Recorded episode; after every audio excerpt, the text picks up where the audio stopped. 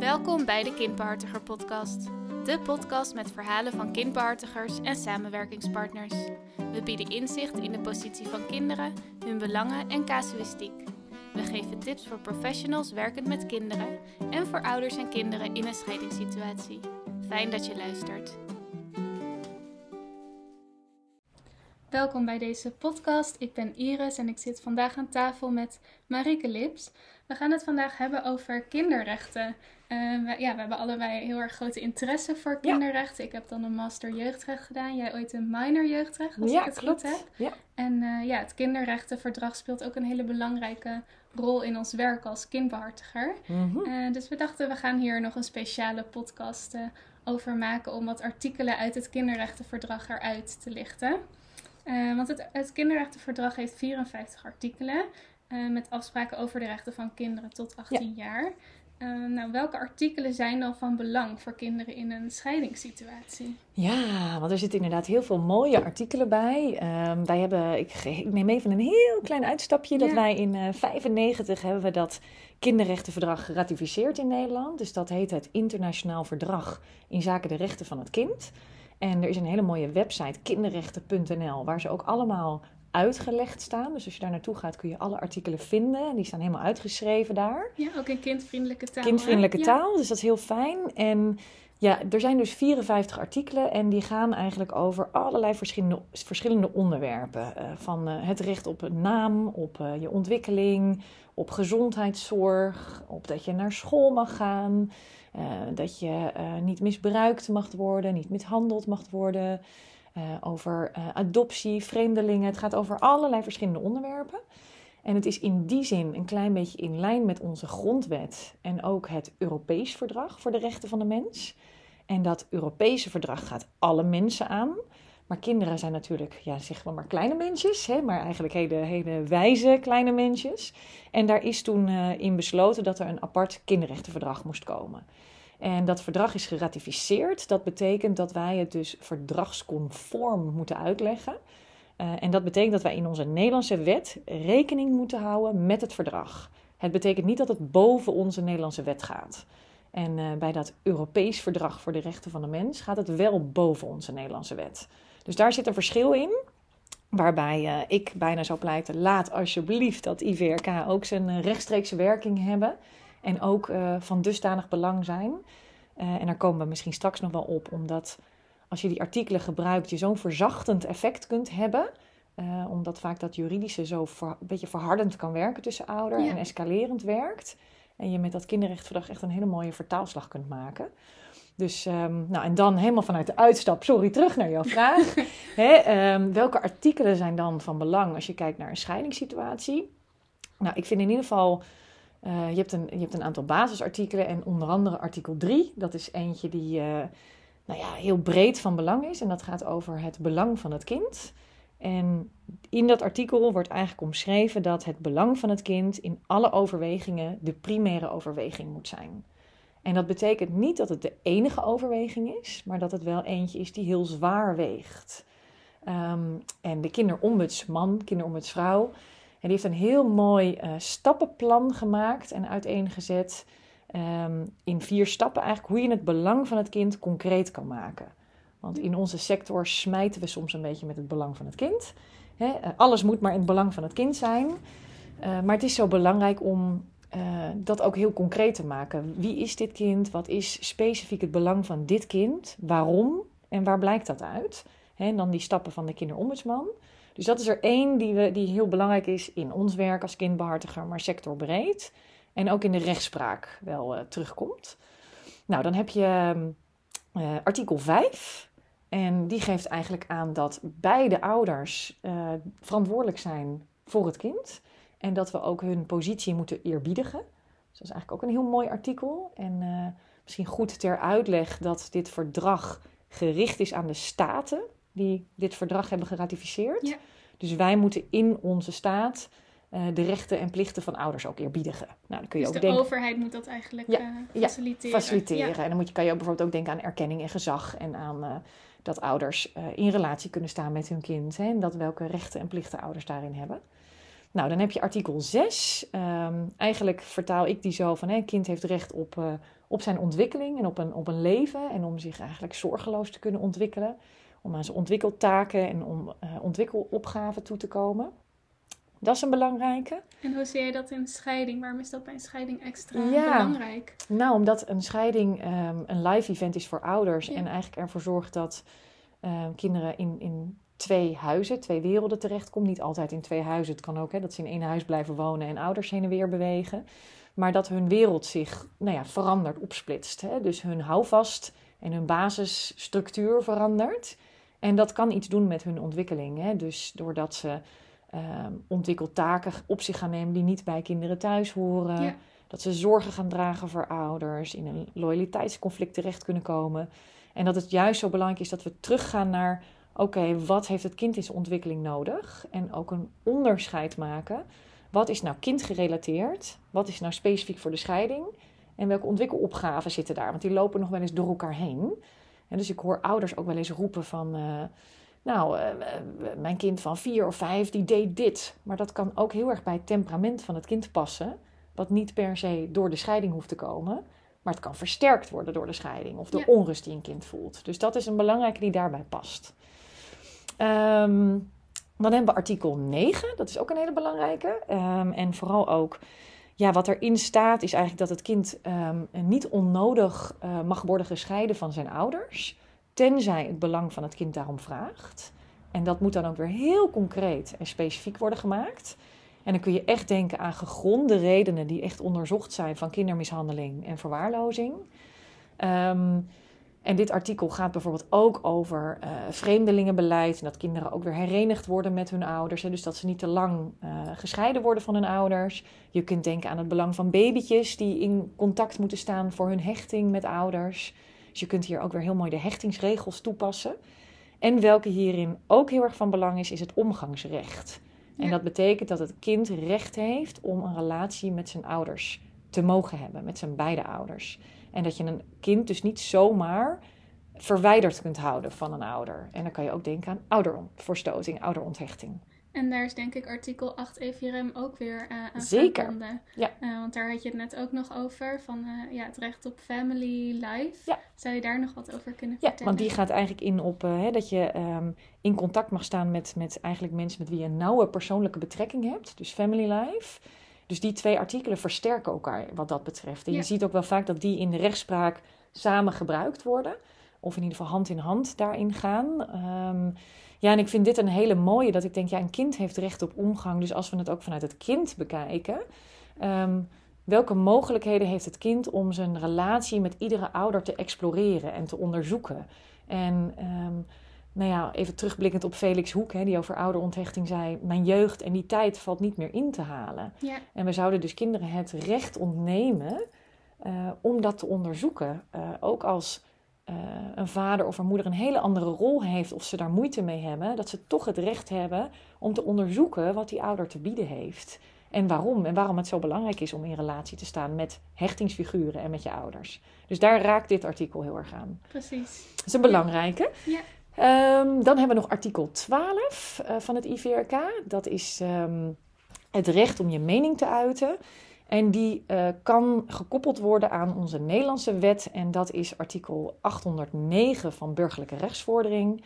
En artikel 815 van burgerlijke rechtsvordering. Ik ga helemaal mijn juridische knop gaat aan in mijn hoofd. um, en dat gaat er eigenlijk om dat artikel 809 dat kinderen worden betrokken en dat hun stem geuit wordt in alle aangelegenheden die een kind aangaat. En artikel 815 van burgerlijke rechtsvordering gaat erom dat we kinderen betrekken in het ouderschapsplan. Dus dat zij mee mogen denken, hun visie mogen geven en dat dat ook echt wel aangetoond moet worden dat dat gedaan wordt. Ja. Als kindbehartiger hebben wij heel veel gesprekken met kinderen over um, wat zij belangrijk vinden tussen ouders, afspraken, zonder dat ze de taak hebben om dat te beslissen.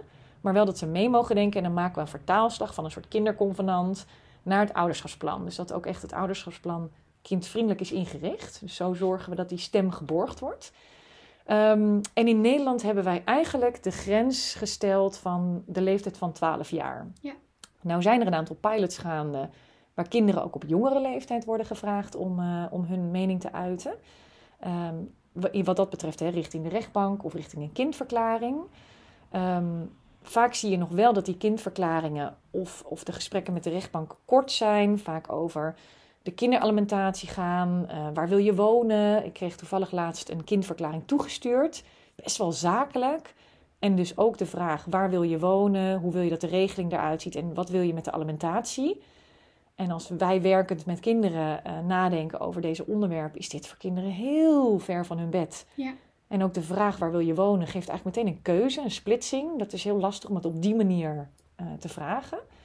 Uh, die vragen we eigenlijk nooit aan kinderen. We ontslaan ze Ja. daar juist van. Jullie kijken veel meer naar het relationele stuk. Ja, hoe je, Ja. verbinding. En, en eh, ik, ik zeg eigenlijk heel vaak tegen ik ga aan jou niet vragen om te kiezen of waar je wil wonen. Maar we gaan wel kijken hè, waar jij je op je plek voelt. Wat je aan een plek belangrijk vindt. eh, wat daar omheen hoort en past. Hè, dus je kunt het heel anders aanpakken.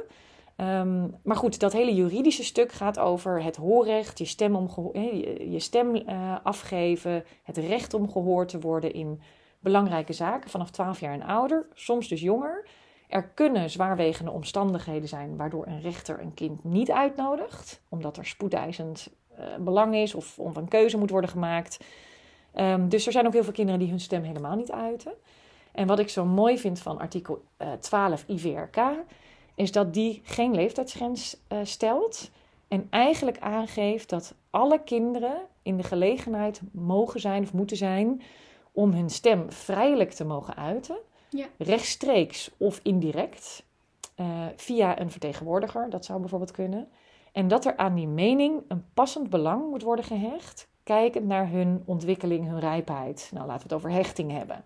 Hè, dus ieder kind, ook een kind van drie, vier, eh, eh, heeft een stem. Die kan gebeurtenissen heel goed herinneren. Die kan misschien nog niet de hele context en het hele het belevingswereld benoemen. Maar die kan wel concreet soms dingen aangeven. Ieder kind heeft een stem, alleen je moet hem wel in een context plaatsen en er passend belang aan hechten. Dat je een kind ook ontslaat van die taak. En dat is nou net wat wij als kindbartiger doen. Dat we eigenlijk zeggen, ieder kind heeft recht op een stem. En dat dat IVRK veel meer vervuld wordt. Precies, Dus ja. ehm, Want artikel 12 heeft inderdaad verschillende Ja. elementen in zich. Ja. Eh, ik dacht, misschien kunnen we dat even zeker, opsplitsen. graag. Ja. Eh, omdat het best een uitgebreid eh, artikel is waar heel veel over te zeggen valt. Ehm, ja, er staat eigenlijk dat een kind eh, in staat moet zijn om zijn mening te vormen. Dat die mening vrijelijk eh, geuit eh, kan worden.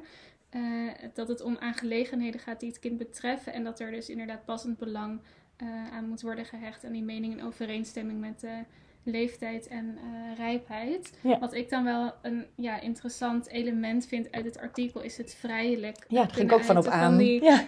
mening. Hè? Want wat betekent dat precies voor een scheidingssituatie? Wanneer voelt het kind zich vrij Ja. om zijn mening te uiten? Nou, kijk, het mooiste is als een kind natuurlijk voelt: ik mag alles zeggen en vinden. ehm, zonder dat er aan mij getrokken wordt in die zin. Ehm, en dat is voor kinderen meteen in een scheidingssituatie een van de lastigste opgaven.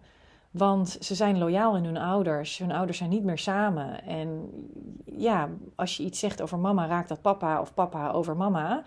Ehm, dat, is, dat is lastig. Ja, hoe vrij Ehm, ben je dan hoe vrij ben je? En? Wat ik ouders daarin echt zou willen meegeven: gun een kind echt iemand waar die dit mag doen. Wat een kind ook over jou of, of de andere ouder te zeggen heeft. Ehm, eh, probeer daarvan te leren. Probeer dat eh, op een andere manier aan te nemen dan een aanval of aan angst om je kind te verliezen. Dus dat je niet vanuit dat stuk opereert. Ehm, want wij merken ook als kindbehartigers dat kinderen hier komen gestuurd worden vanuit een opdracht. Of dat ze de deur uitgaan en er heel, eh, heel erg wordt doorgevraagd bij ouders van... En hoe was het? En wat heb je gezegd?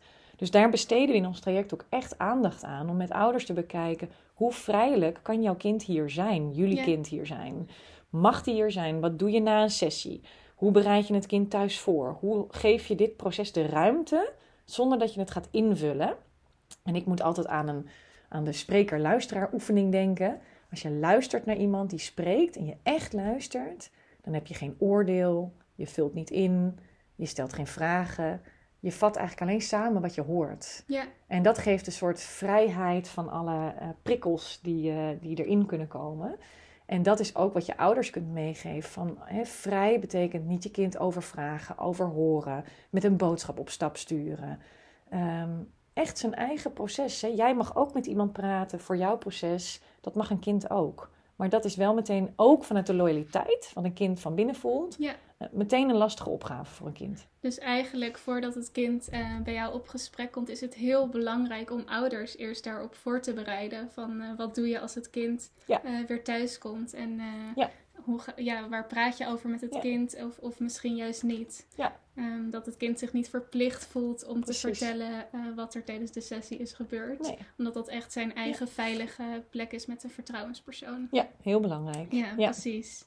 Ehm, ja, even kijken. We kunnen het misschien ook even hebben over General Comment nummer 12. Ja, die, want die hoort daar ook bij, hè? Want dat hoort Ja. bij artikel 12. Dat geeft eigenlijk verdere uitleg Ja. aan eh, het recht om gehoord te En het is worden. misschien goed ter uitleg dat dus het, Ja. het eh, IVRK heeft eh, allerlei general comments die aanvullende uitleg geven over een aantal artikelen. Ja. En daar is er eentje, artikel 12, general comment. Ja, Ja, ja, en in General Comment nummer 12 eh, staat dat het niet alleen van belang is om individuele kinderen te horen, maar ook bijvoorbeeld groepen Ja. eh, kinderen.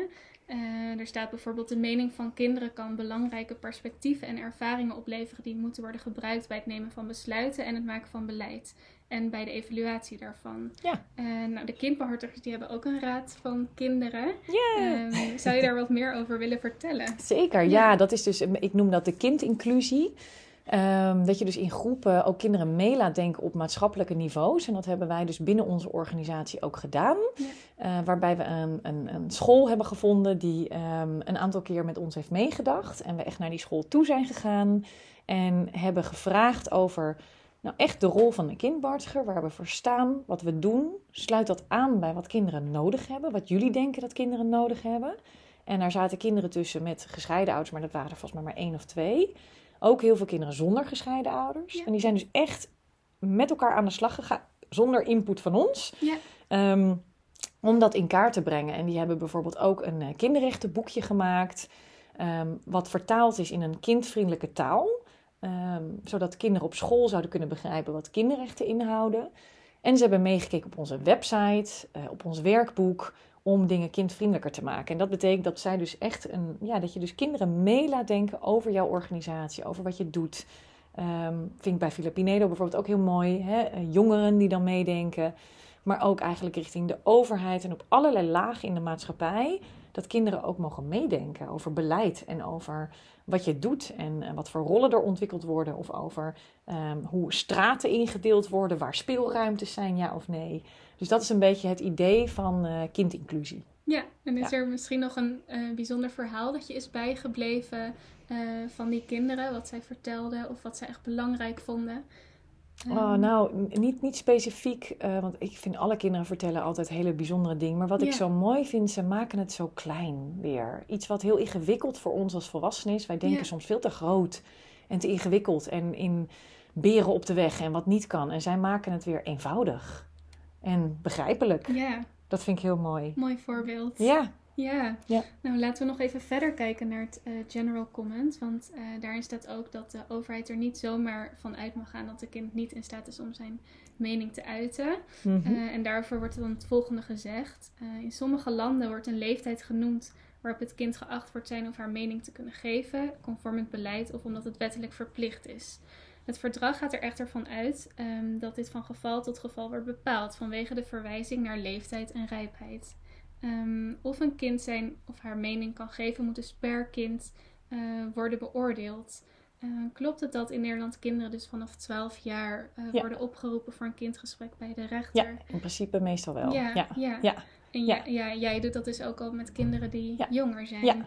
Ja. en ik heb ook wel eens de brieven van de rechtbank gehad, die ik met kinderen samen heb opgepakt, omdat ze dat heel ingewikkeld vonden. Ja. Dat we dan samen een brief gingen maken waar ik ze uitleg gaf en waar we gekeken hebben wat wil een kind dan zeggen. Maar ook jongere kinderen en eigenlijk ouders altijd een terugkoppeling geef en dat oppak met, eh, eh, met ouders en met kinderen. Dus geen leeftijdsgrens inderdaad. En eh, nou, daar ben ik het wel mee eens dat dat... ehm, ieder kind heeft een visie, een mening en een recht op iemand die met Ja. hem of haar meedenkt. Ja. Ja, want hoe ga je bijvoorbeeld met hele jonge kinderen aan de slag? Stel, de kinderen zijn vier of vijf. Ja. ehm, hoe doe je dat? Ja, dat, het- met, eigenlijk met alle kinderen doen we heel veel spelenderwijs. En dat, dat stem je af op de leeftijd en de ontwikkeling van het kind. Ehm, je kijkt ook naar welk specifiek kind je voor je hebt. Is het een, een drukker kind, een sensitief kind? En, eh, en wat is het temperament? En wat belangrijk is bij jonge kinderen die... ehm, bijvoorbeeld kinderen van drie, vier kunnen heel goed gebeurtenissen eh, doen. En die kun je heel goed naspelen. En dan gaan ze helemaal in mee in dat fantasiestuk. Maar zij kunnen heel mooi de werkelijkheid dan in flarden eh, teruggeven. Dus je doet dat veel meer op zo'n manier. Eh, dus echt met, met knuffels, met eh, ja, een winkeltje spelen en een, en een iets naspelen. Of echt een scène naspelen, rollenspellen doen. met klei of met zand bezig zijn. Dus echt spelenderwijs. En zo kom je tot, ja, tot wat hun bezighoudt. Ja, dus Ja. je doet eigenlijk ook de non-verbale Zeker. Ja. communicatie. eh, die wordt dan ook heel erg erkend. Dit staat Ja. dan ook in, eh, in het general comment genoemd. Dat vind ik dan ook nog wel mooi om naar te verwijzen. Dat ook spel, lichaamstaal, gezichtsuitdrukkingen, tekenen en schilderen... dat dat eh, moet worden erkend als optie voor jonge kinderen. Dat is om mooi hè, wat hier staat. ja, dat het zoveel precies. meer is van... Ik ben er toch, ja, ik ben dan altijd een beetje kritisch over, over kindgesprekken. En ik weet dat, dat iedereen wil graag kinderen steunen en betrekken. Maar het vraagt zo om echt ehm, een, een gerichte aanpak. En zoveel meer en aandacht en tijd voor het kind te hebben van de ontwikkeling. Eh, en wat erbij komt kijken, dat hele spelenderwijs, het non-verbale, het in kaart brengen van zoveel meer. En daar is echt tijd en aandacht voor nodig. En ook speciale methodieken. En speciale methodieken die voor nodig. ontwikkeld. Ja, zeker. Dus, Ja. ehm, en out of the box denken en met het kind meebewegen. En dat een kind zich vertrouwt en op zijn plek voelt. Dus het is niet zomaar iets om even met kinderen in gesprek te gaan. Want die zitten ook op cognitief niveau gewoon op een ander niveau dan volwassenen. Dus het Ja. vraagt echt wel wat. Ja. Ja. Ja, en dan ehm, tot slot nog even over general comment. Daarin staat ook dat eh, een gezin waarin kinderen vrijelijk hun mening kunnen geven vanaf jonge leeftijd ook serieus eh, genomen moet worden. Ja. Eh, dat dat een goed voorbeeld geeft en het kind voorbereidt om ja, zich in het maatschappelijk leven ehm, eh, gebruik van te maken en het recht om te worden gehoord. Ehm, deze wijze van opvoeden stimuleert ook de individuele ontwikkeling, noemt eh, General Comment. Verbetert de onderlinge relaties. En ehm, ja, zorgt ook voor socialisatie van het kind in het gezin. Mooi, en bijna relatielessen een beetje Ja. zo, waar wij het ook wel eens over hebben. Relatielessen en hoe je de interactie binnen gezinnen systemisch kan aanpakken. Wat dat voor toegevoegde waarde heeft voor kinderen later, voor hun zelfbewustzijn, hun groei. Ja, mooi. ja, dus ook die communicatie binnen het gezin is Ja. dan heel erg van belang. En als, als kindbehartiger geef je ook dan eh, psycho-educatie aan Ja. ouders.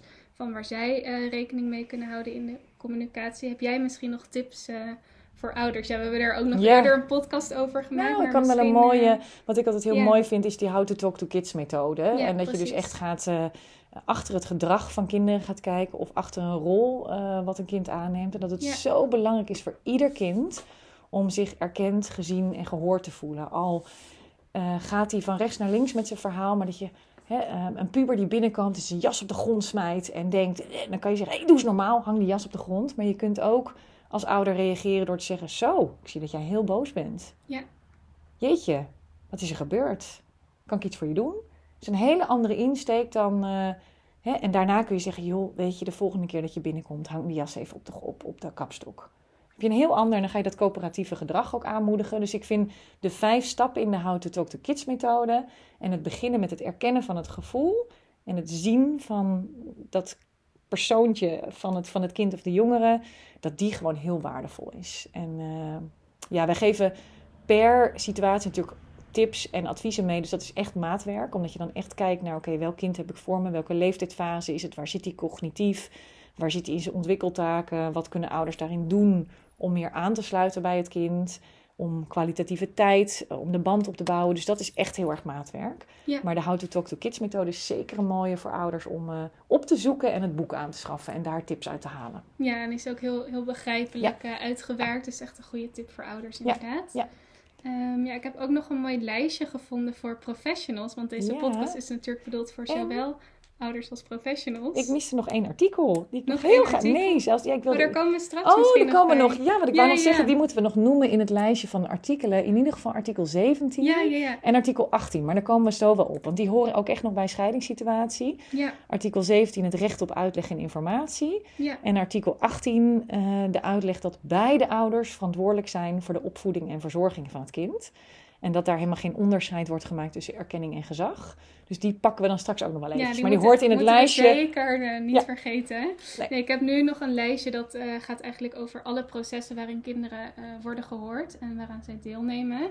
En dit is een, een lijstje van het ja, comité. En ik denk dat het dus heel Mhm. interessant is voor professionals. Het gaat erover dat de processen transparant en informatief moeten zijn, op vrijwillige basis, respectvol, relevant, kindvriendelijk, eh, inclusief, ondersteund worden door training van volwassenen, veilig zijn en rekening houden met risico's en dat er verantwoording wordt afgelegd, eventueel evaluatie en follow-up van de Ja, gesprekken. heel mooi. Zou jij nog iets eh, ja, willen toelichten van dit lijstje of iets Nou, ik zit, ik zit hem even erbij te pakken. Want Ja. ik denk, ja jeetje, ik vind eigenlijk de punten heel mooi. Transparant en informatief. Hè? Dat ze weten waaraan ze deelnemen. Dat je duidelijk en eerlijk bent. Waarom is een kind hier? Wat is het doel? Op vrijwillige basis. Ik zeg ook altijd als kinderen komen. Vanochtend nog tegen ouders gezegd. Als jullie kind geen klik voelt of zich niet op zijn gemak voelt, dan voelt het voor een kind niet fijn. Dus dan ga ik ook eerlijk zijn of die hier wel of niet op zijn plek zit. Ja, Want je kan je pas openstellen als je je prettig voelt bij iemand. Dus daar kijk ik altijd naar. Respectvol. Ja, dan, dan kom ik echt bij de Gordon-methode. De Gordon-methode is heel mooi. Dat je vanuit eh, ik-boodschappen ehm, en heel erg eh, gericht bent op het kind. Empathisch bent. Inderdaad transparant en eerlijk bent. Dus dat sluit daar respect voor het kind. De ontwikkeling voor het kind waar die zit. Jij staat niet als volwassene boven het kind. Een soort gelijkwaardigheid. Nou, het moet relevant zijn. Wat hebben zij daaraan? Dat is ook een belangrijke. Kindvriendelijk. Ja, dat je op hun niveau gaat zitten, op hun taal. Inclusief. Dat ze ook echt voelen. Ik ben hier en ik mag ook iets betekenen. Ik mag iets toevoegen. Ehm, nou, training van volwassenen zeker. Wij moeten ons altijd blijven ontwikkelen en trainen. Dat vind ik echt veilig. Absoluut. Meldcode, maar ook je ruimte moet veilig zijn. Als er jonge kindjes komen, dat je bijvoorbeeld oplet dat er geen spullen liggen die ze in kunnen slikken of iets. Weet je, dat soort dingen. precies. Of als een kind be- bepaald boze gedrag kan vertonen, dat je ook kijkt, liggen er geen spullen die iemand kan pakken of nou, dat soort dingen. Maar ook veilig dat de muren goed afgeschermd zijn, dat dus niet mensen kunnen meeluisteren, dat soort dingen. Ehm, en verantwoording afleggen, ja, dat is, dat is je uitleg, je verslaglegging, eh, evaluatie. Zit ik nog op dezelfde lijn waar jij zit, ja of nee? Dus ja, ik, ik ben het helemaal ermee eens. Het past helemaal bij onze, Ja. onze, onze insteek. Ja, mooi. Ja, we wilden het dan nog hebben over artikel eh, 17, het recht op informatie. Kan je daar wat over vertellen? Ja, dat is een hele belangrijke. Ik vind dat die eh, te vaak vergeten wordt. Ehm, kinderen hebben heel vaak het gevoel dat er beslissingen over hun hoofd heen worden genomen. Of dat ouders uit elkaar gaan, die hebben dat besluit al genomen, die hebben al een ouderschapsplan gemaakt, die hebben al twee huizen geregeld. En nou hangt het er vanaf of je natuurlijk een heel jong kindje hebt, die dat niet allemaal kan, kan, kan uitleggen en erin mee kan nemen. Eh, of pubers. Maar veel kinderen zeggen, ja, ik, ik mis echt uitleg en informatie. En kinderen hebben recht om te weten, wat gebeurt hier? Welke stappen worden er genomen? Waarom worden ze genomen? Hoe gaat het eruit zien? Ehm, en dat hun vragen beantwoord worden. En niet op volwassen niveau, maar wel dat kinderen begrijpen waarom dit proces zo gaat zoals die gaat. En dat er bijvoorbeeld hulp ingezet wordt en waarom. En dat papa en mama het even moeilijk hebben. Ze hoeven niet tot in detail te weten: papa vindt dit van mama en mama dat van papa. Maar wel dat ze begrijpen: het ligt niet aan mij, het ligt aan jullie, daar is hulp voor nodig. Want op het moment dat zij daar begrip voor krijgen, kan het ook zakken. Er zijn zoveel kinderen die met vragen blijven rondlopen en maar niet weten wat er aan de hand is. Of hun stem mogen uit en naar de rechtbank gaan, niet iets terug horen. En Ja. nou, dat soort, dus recht op uitleg en informatie vind ik een hele belangrijke. Ja, en dat laatste wat jij noemde, daar zie je eigenlijk ook de samenhang tussen Ja. artikel 12 en artikel 17. Van welke invloed heeft de stem van het kind eigenlijk gehad op, Ja. eh, op de beslissing, Ja, mooi dat je die link legt, want dat is echt. Dan wordt er wel invulling aan artikel 12 gegeven, maar wat, wat inderdaad de impact van die stem is, dat weten ze niet. Ja. Maar ze kunnen zich wel schuldig voelen, vragen stellen, ehm, allerlei dingen in hun hoofd erdoor blijven hebben. Dus dan is inderdaad die weer heel belangrijk, artikel 17. Ja, Ja, dus mag absoluut wat mij betreft in, op geen enkele laag in de maatschappij vergeten worden. ja. Ja.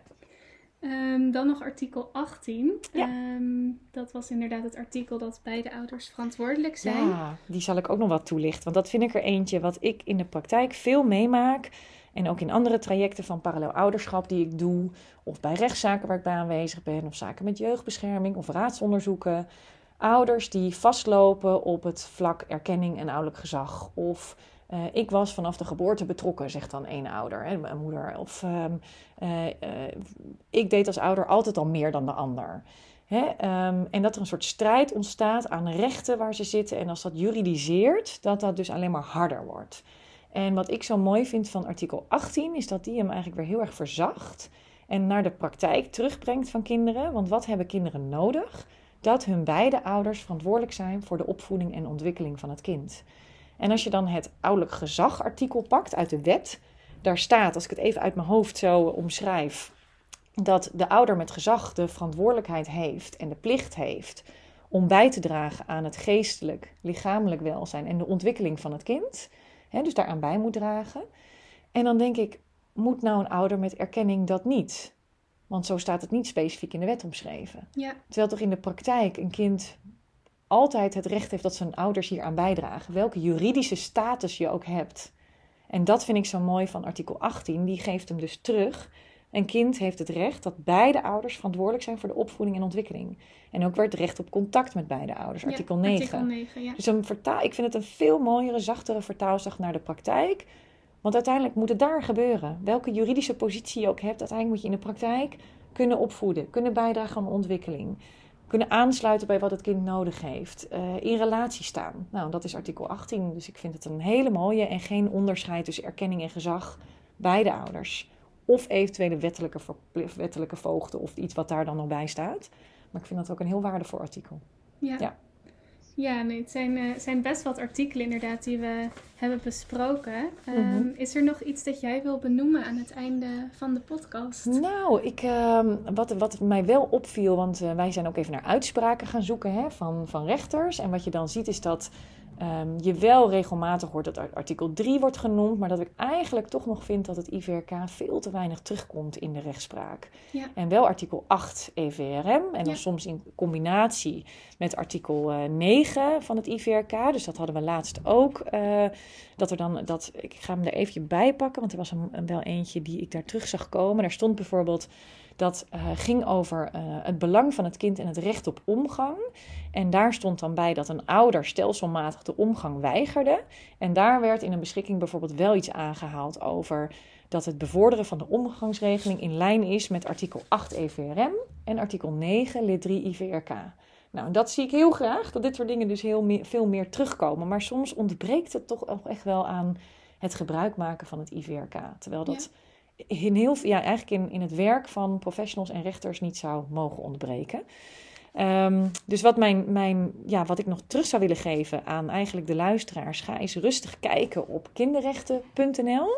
Want daar staat dus heel mooi staan alle rechten uitgelegd. Wij hebben op onze website kindbehartiger.nl en dan onder het kopje voor kinderen en dan de vraag wat zijn mijn rechten. Daar staat ook ons kinderrechtenboekje die je kunt downloaden. En dat is eigenlijk heel fijn, want dat is dus ehm, nou ja, met onze Raad van Kinderen gemaakt. En daar staan alle kinderrechten die voor scheiding zijn uitgelegd. Ehm, ja, en wat wil ik verder meegeven?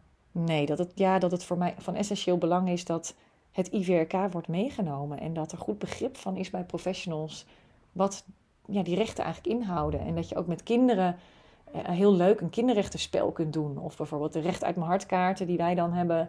Daar zitten ook de kinderrechten bij. Ja. En dat je ook kinderen bewust kan maken van wat hun rechten zijn. En dat dat En heel kinderen waardevol hebben ook is. recht om te weten wat hun Ja, rechten wat zijn. hun dat rechten staat ook zijn. in het Ja. verdrag. Dus dat is misschien nog wel mooi om, eh, om te noemen aan het einde. Ja, Ja. ja. Hey, en misschien is het ook nog wel leuk om een boekentip in die zin mee te geven. Van Oh eh, wat jij had. Hè, van je, want we hebben het boek van Philip Pinedo. Je hoeft het niet alleen te doen. Ja, daar staan En daar staan, achterin, eh, ja, staan, anderin, oh, ja, staan achterin ook een aantal voorbeelden met het recht op omgang. En misschien kan ik er eentje even bij pakken.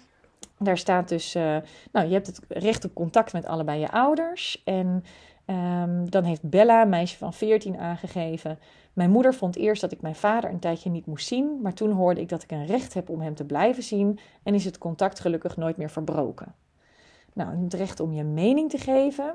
En daar had Stijn van 13 eigenlijk gezegd: Ik heb ervoor gezorgd dat ook de hond in het ouderschapsplan werd opgenomen. Die verhuist nu mee, heen en weer met mij. Ik kan niet zonder hem. Nou, hoe mooi. Dat vind ik een hele mooie.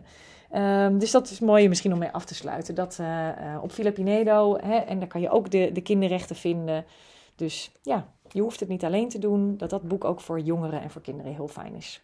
Ja, nou Marike, dankjewel voor je toelichting op de artikelen die soms misschien toch wat, uh, ja, wat droge stof is, de juridische artikelen. Maar ik denk dat je het heel mooi met voorbeelden zo uh, hebt kunnen uitleggen aan ouders. Dus nou, dankjewel fijn. daarvoor. Ja, hetzelfde. Fijn dat we deze ook nog even belicht hebben. En uh, nou, tot een volgende keer. Dankjewel voor het luisteren naar deze podcast. Als je meer wil weten over de kindbehartiger, ga dan naar kindbehartiger.nl of naar de Instagram pagina @kindbehartiger. Tot de volgende keer.